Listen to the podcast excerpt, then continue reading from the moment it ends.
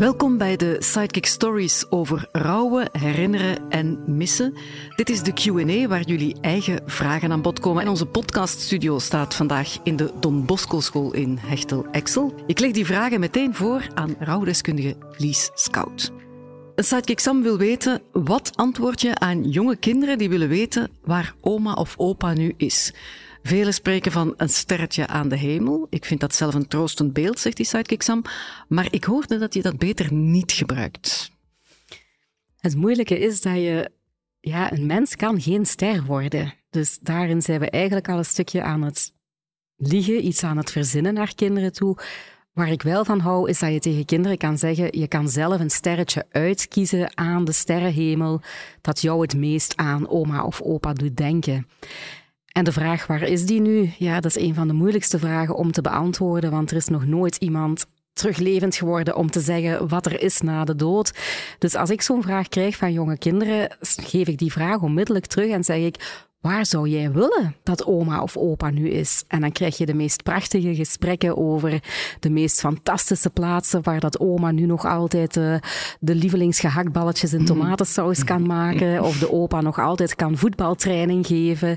En dan zit je weer in die mooie magische fantasie van kinderen, waar zij heel veel kracht uithalen en eigenlijk best oké met de dood kunnen omgaan. Een andere sidekick Sam vraagt: hoe pak je het verlies van een collega aan? Wij kregen hiermee te maken in het verleden en het was toch pittig omdat je zelf vol in je eigen verdriet zit, maar je wilt tegelijk ook de kinderen en de collega's ondersteunen. Ja, absoluut. Een heel moeilijke. Ik heb het al een aantal keren meegemaakt. Um, in de eerste plaats zorgen dat er ruimte en aandacht voor is binnen het team, dan pleit ik altijd voor een stukje ja, samenkomst buiten de schooluren. Uh, afhankelijk van wanneer dat het nieuws je bereikt, kan je dat s'avonds nog doen of s ochtends voordat de schooldag begint. Dus eerst en vooral heel veel zorg besteden aan, aan je volledige schoolteam. En dan is het heel erg zoeken naar en hoe gaan wij nu die eerste schooldagen doorkomen naar onze kinderen toe. Want je zit en met je eigen emoties en je wil er wel voor je leerlingen blijven zijn. Maar opnieuw is het heel oké om dan aan je klas uit te leggen wat er zich heeft voorgedaan. En dat het heel goed kan zijn dat de juf of de meester of de leerkracht het ineens even een verdrietig momentje kan hebben, maar dat de leerlingen dan weten waar dat, dat vandaan komt. Hanna heeft een hele specifieke vraag. Meer en meer leerlingen uh, spelen online games. En zo leren ze ook mensen kennen over de hele wereld. Maar soms horen ze daar ook niks meer van. En uh, het laatst was er een leerling die uh, van een ouder een berichtje kreeg dat uh, haar dochter zelfmoord had gepleegd. Dus dat meisje wist totaal niet meer hoe ze daarmee om moest gaan, want ze ging die nooit meer zien of, of horen via die online game. En nu vroeg ze zich af, hoe moet ik daarmee omgaan? Ja, ook dat is inderdaad een, een verlieservaring die jongeren kunnen meemaken en die je zeker niet mag minimaliseren, denkende van ja, maar het is een online vriendschap die is ontstaan. Dat is iemand die ze niet persoonlijk kennen, dus dat zal wel zo erg niet zijn. Absoluut wel, want ook online kunnen jongeren heel intense vriendschappen aangaan en soms dingen met elkaar kunnen delen die ze niet in real life kunnen delen. Dus zorg dat je ook zeker voldoende erkenning geeft aan, aan die leerlingen die zo iemand verliezen. Uh, zeker ook ja, het thema zelfdoding is al, al moeilijk, ligt vaak al gevoelig bij jongeren. Dus ga daarover in gesprek. Uh, vraag hoe dat, dat bij hun is binnengekomen wat dat ze gedaan hebben, wat dat ze op dat moment nodig hebben. Um, kan het helpen dat ze via andere online vrienden toch iets van online ritueel bedenken, bijvoorbeeld als herinnering aan die online gamer. Um, dus ook daar zijn er weer heel veel mogelijkheden. Maar het belangrijkste is, ga in gesprek en vraag aan de jongeren wat ze nodig hebben. En Sidekick Sam heeft ook een vraag ingestuurd en die gaat kort over hoe bereid je kleine kinderen voor op het verlies van iemand dierbaar? Wanneer begin je daarmee? Wat zeg je, wat zeg je niet? Hoeveel informatie geef je, hoeveel informatie geef je niet? Er staat voor mij geen leeftijd op vanaf wanneer dat je dat kan of mag doen. Uh, van mij mag dat vanaf dat een, een kind taal, iets of wat taalkundig is. Dus evengoed een tweejarige um, zou ik mee voorbereiden op, op, op een euthanasie of op een stervensproces van, van een dierbaar familielid. Dus er staat op zich geen leeftijd op, maar ik ga er wel altijd vanuit dat ouders en zeker ook leerkrachten, kennen hun kinderen, hun leerlingen het beste en weten wel welk kind wat aan kan. Dus als het echt gaat over de thuissfeer, zou ik zeggen, ga op zoek naar specifieke boekjes. Uh, tegenwoordig bestaan er al heel veel kinderboekjes, zowel over palliatieve zorg als over euthanasie, als over zelfdoding. Dus ook zelfs die moeilijke thema's zijn al in kinderboekjes vervat. Lees die voor aan je kind en, en ga daarover in gesprek. Vraag wat dat bij hun oproept, welke vraagjes dat ze hebben. En vooral wees eerlijk. Ook als je het antwoord niet weet, is het heel oké om te zeggen: Dit weet ik nu niet, maar ik ga kijken of ik een antwoord vind. En als ik het vind, dan kom ik bij je terug. Dus opnieuw, eerlijkheid en duidelijkheid zijn echt de basisprincipes om over de dood te praten met kinderen. Hans is een leraar uit het zesde secundair en hij wil iets weten over een leerling die uitgestoten is uit de klasgroep. Uh, ik ben Hans, ik geef les op het zesde jaar. En uh, ik had een leerling in mijn klas die in het vorige jaar eigenlijk haar vriendengroep uh, heeft verloren. Die uit de vriendengroep gestoten is. Maar die moet dan wel nog een jaar met die vrienden verder in dezelfde klas. En ik vroeg me af hoe je als leerkracht met dat verlies om kan gaan. Dan zou ik kijken of er een mogelijkheid is dat je ja, een, een, een lesthema hieraan kan besteden van wat is vriendschap, hoe gaan we om met vriendschappen, hoe uit vriendschap zich in een klas, hoe ga je om met een leerling die misschien een beetje anders is of die een beetje uit de boot valt. Dus ik zou er echt proberen een enerzijds een lesthema van te maken, dat je heel de klas mee hebt, zonder dat je moet gaan benoemen we hebben het hier over onze klas en we hebben het hier over deze leerling. Dus heel algemeen, maar opnieuw ook weer eerst met die leerling die gaan verwittigen en zeggen van kijk, vind je het oké dat ik hier een klasgesprek over ga doen, dat we hier een les aan besteden, um, zonder dat ik jou wil viseren. En wat als die nee zegt? Dan moet je dat ook wel respecteren, vind ik. Um, of gaan kijken van, zou je het op een andere manier wel zien zitten? Um, dat ik bijvoorbeeld dat klasgesprek doe op een moment dat jij er niet bent. Maar ja, dan valt het natuurlijk ook weer op dat het waarschijnlijk wel over die leerling gaat. Dus het is een hele moeilijke, want je zit en met die leerling die een beetje uit de boot valt, en je zit met een hele klas en je wil die twee terug samen krijgen. Maar het is een heel kwetsbaar thema. Maar dus zeker ook weer met die leerling gaan bekijken van wat voelt voor jou veilig om te doen in de klas. In de Sidekick Sam Academy hebben we ook al podcasts gemaakt en zijn lespakketten over groepsdynamiek. Dus misschien kunnen we dat als tip ook een nog ruimer meegeven. thema zoeken om toch ja. dit probleem aan te kaarten. Ook enkele leerlingen hebben een vraag over rouwverwerking voor jou. Kara is de eerste. Mijn vraag is: hoe kan je iets verwerken als je er met niemand over kan praten? Als je echt helemaal niemand hebt om erover te praten, uh, dan zou ik me in de eerste plaats toch ook al een beetje zorgen maken. Want dan zou ik hopen dat je toch ergens een, een vriendin of, of iemand anders hebt. Um, dat hoeft echt maar één persoon te zijn. Maar natuurlijk heb je ook heel veel dingen die je op jezelf kan doen. Muziek kan heel helpend zijn. Het, het, beluisteren van muziek waarmee dat je ook een stukje emoties kan uiten. Je kan muziek opzetten waar dat je heel boos van wordt, zodat die boosheid mag bestaan. Je kan uh, de echte depri-muziek opzetten waarvan je weet, oké, dan beginnen mijn tranen te stromen. Um, je kan gaan schrijven, een soort van dagboek bijhouden of, of zelf teksten gaan schrijven.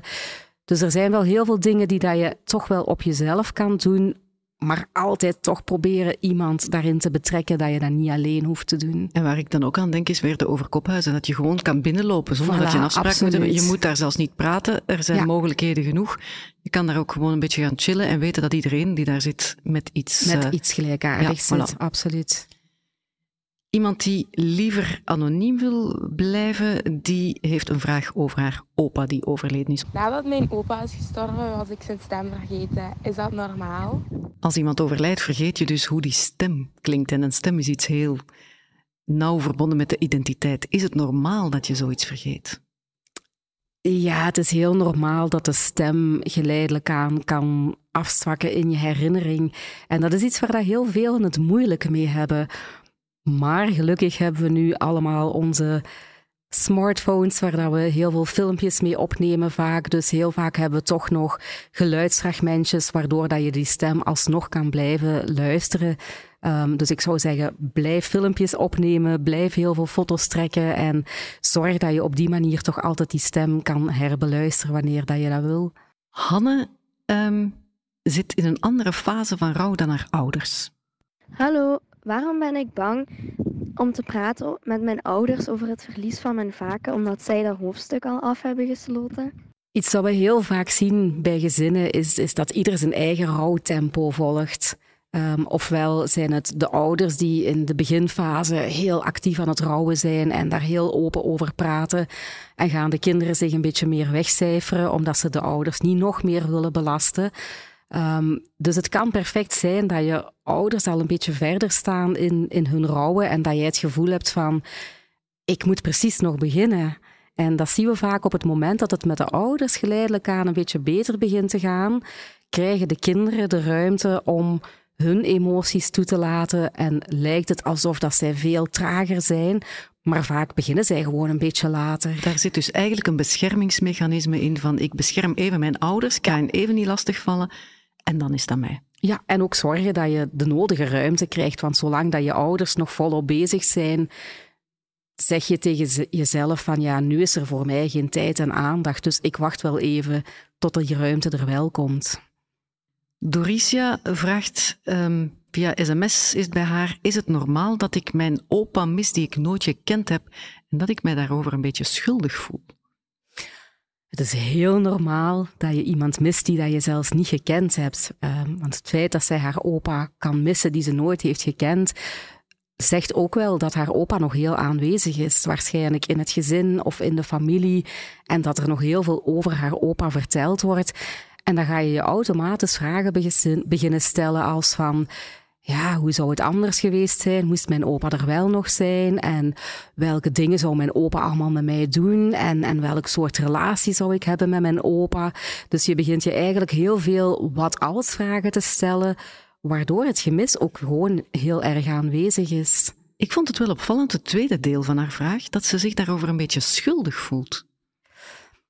Ja, dat is inderdaad opvallend. Ik ken haar natuurlijk niet, maar ik zou me kunnen voorstellen dat zij zich schuldig voelt omdat zij rouwt om iemand die ze niet gekend heeft, terwijl ze misschien vriendinnen heeft die iemand verloren hebben, die wel geleefd hebben. En dat zij zoiets heeft van, ja, was zit ik nu iemand te missen die ik niet eens gekend heb? Dat van jullie is toch veel erger. Dus zo kan ik het me wel voorstellen. Maar het is niet nodig, want missen mogen we altijd. En dan kijk ik eens even rond. Zijn er mensen die een vraag hebben en die die heel graag willen stellen? Want dan is het het moment, dat zou ik zeggen, kom er even naar hier en dan mag je ze hier zelf komen stellen. Misschien een beetje drempelvrees, maar moet niet bang zijn. Zat, zat jij te twijfelen? Ah ja, kom maar, kom maar af. Yes! Wauw, super!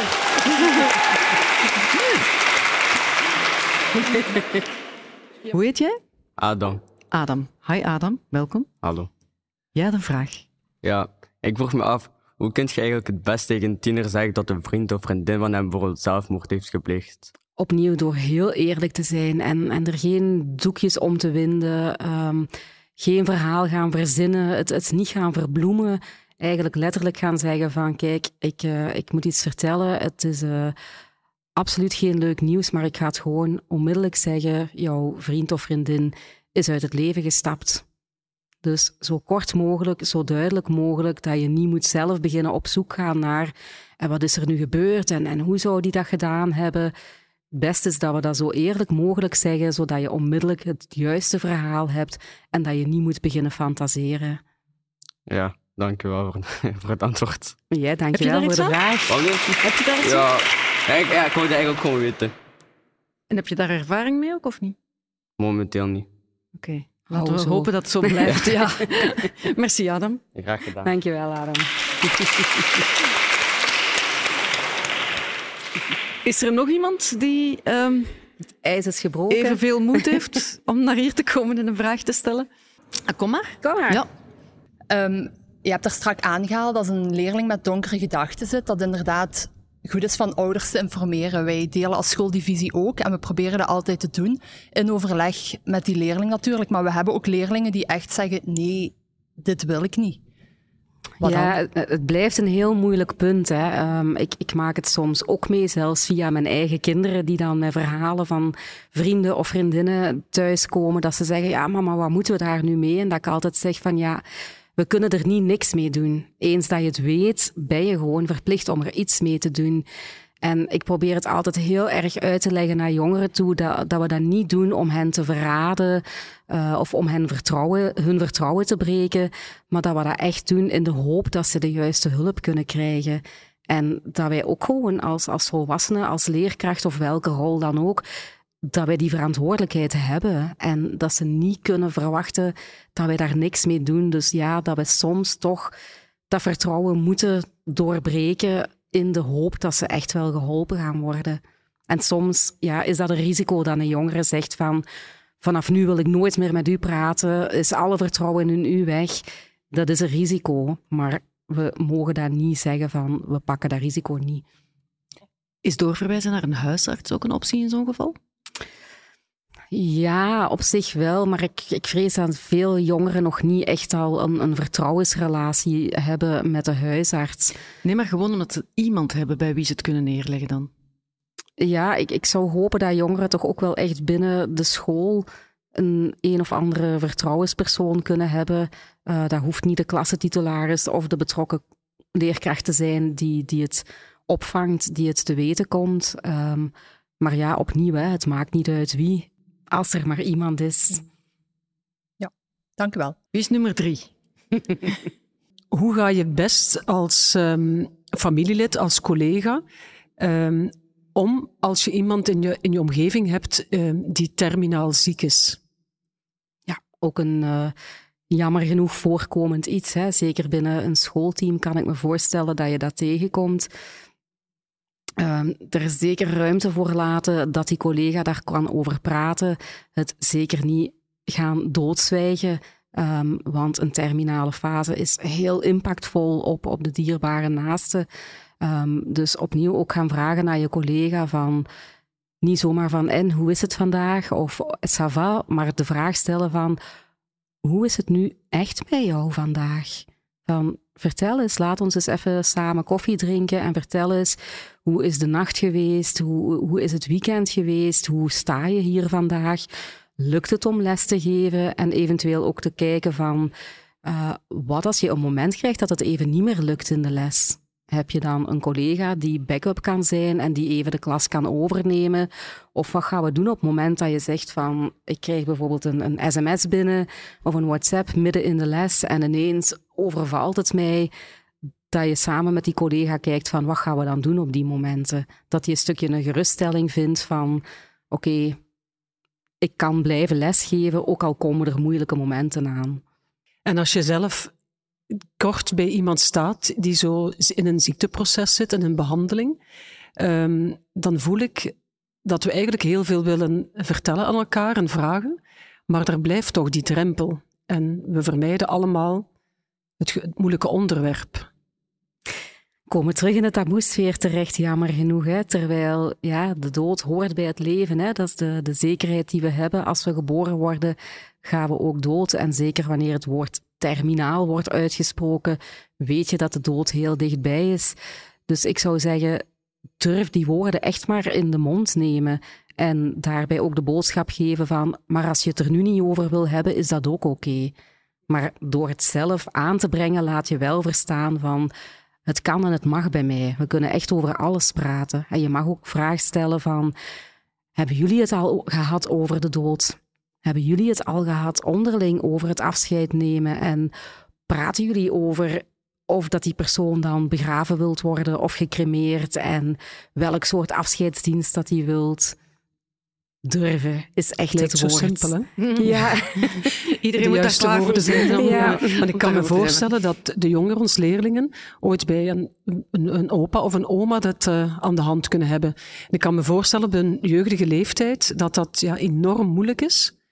Um, maar het kan toch ook heel waardevol zijn voor de oma-opa als ze gewoon aanwezig zijn, als ze gewoon in de omgeving zijn, een bezoekje komen brengen.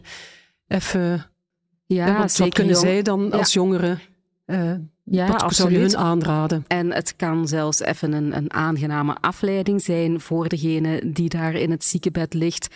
Dat er eens even een vrolijke jongere binnenkomt en het misschien ook even niet over de ziekte of de dood moet gaan, maar dat het even over het leven zoals het is mag gaan en de dingen die op school gebeurd zijn of het kattenkwaad dat ze uitgestoken hebben. Ook dat kan wel eens deugd doen voor iemand die ziek is om het ook nog eens over iets anders te mogen hebben. Dus daarin kunnen jongeren zeker heel betekenisvol zijn. Dank u wel. Ja. Dankjewel Lies Kout om de vragen over missen, herinneren en rouw deskundig te beantwoorden voor de Psychic Exam Academy. En dankjewel ook aan de Don Bosco School in Hechtel-Exel om ons zo gastvrij te ontvangen. Dank jullie wel. Graag gedaan.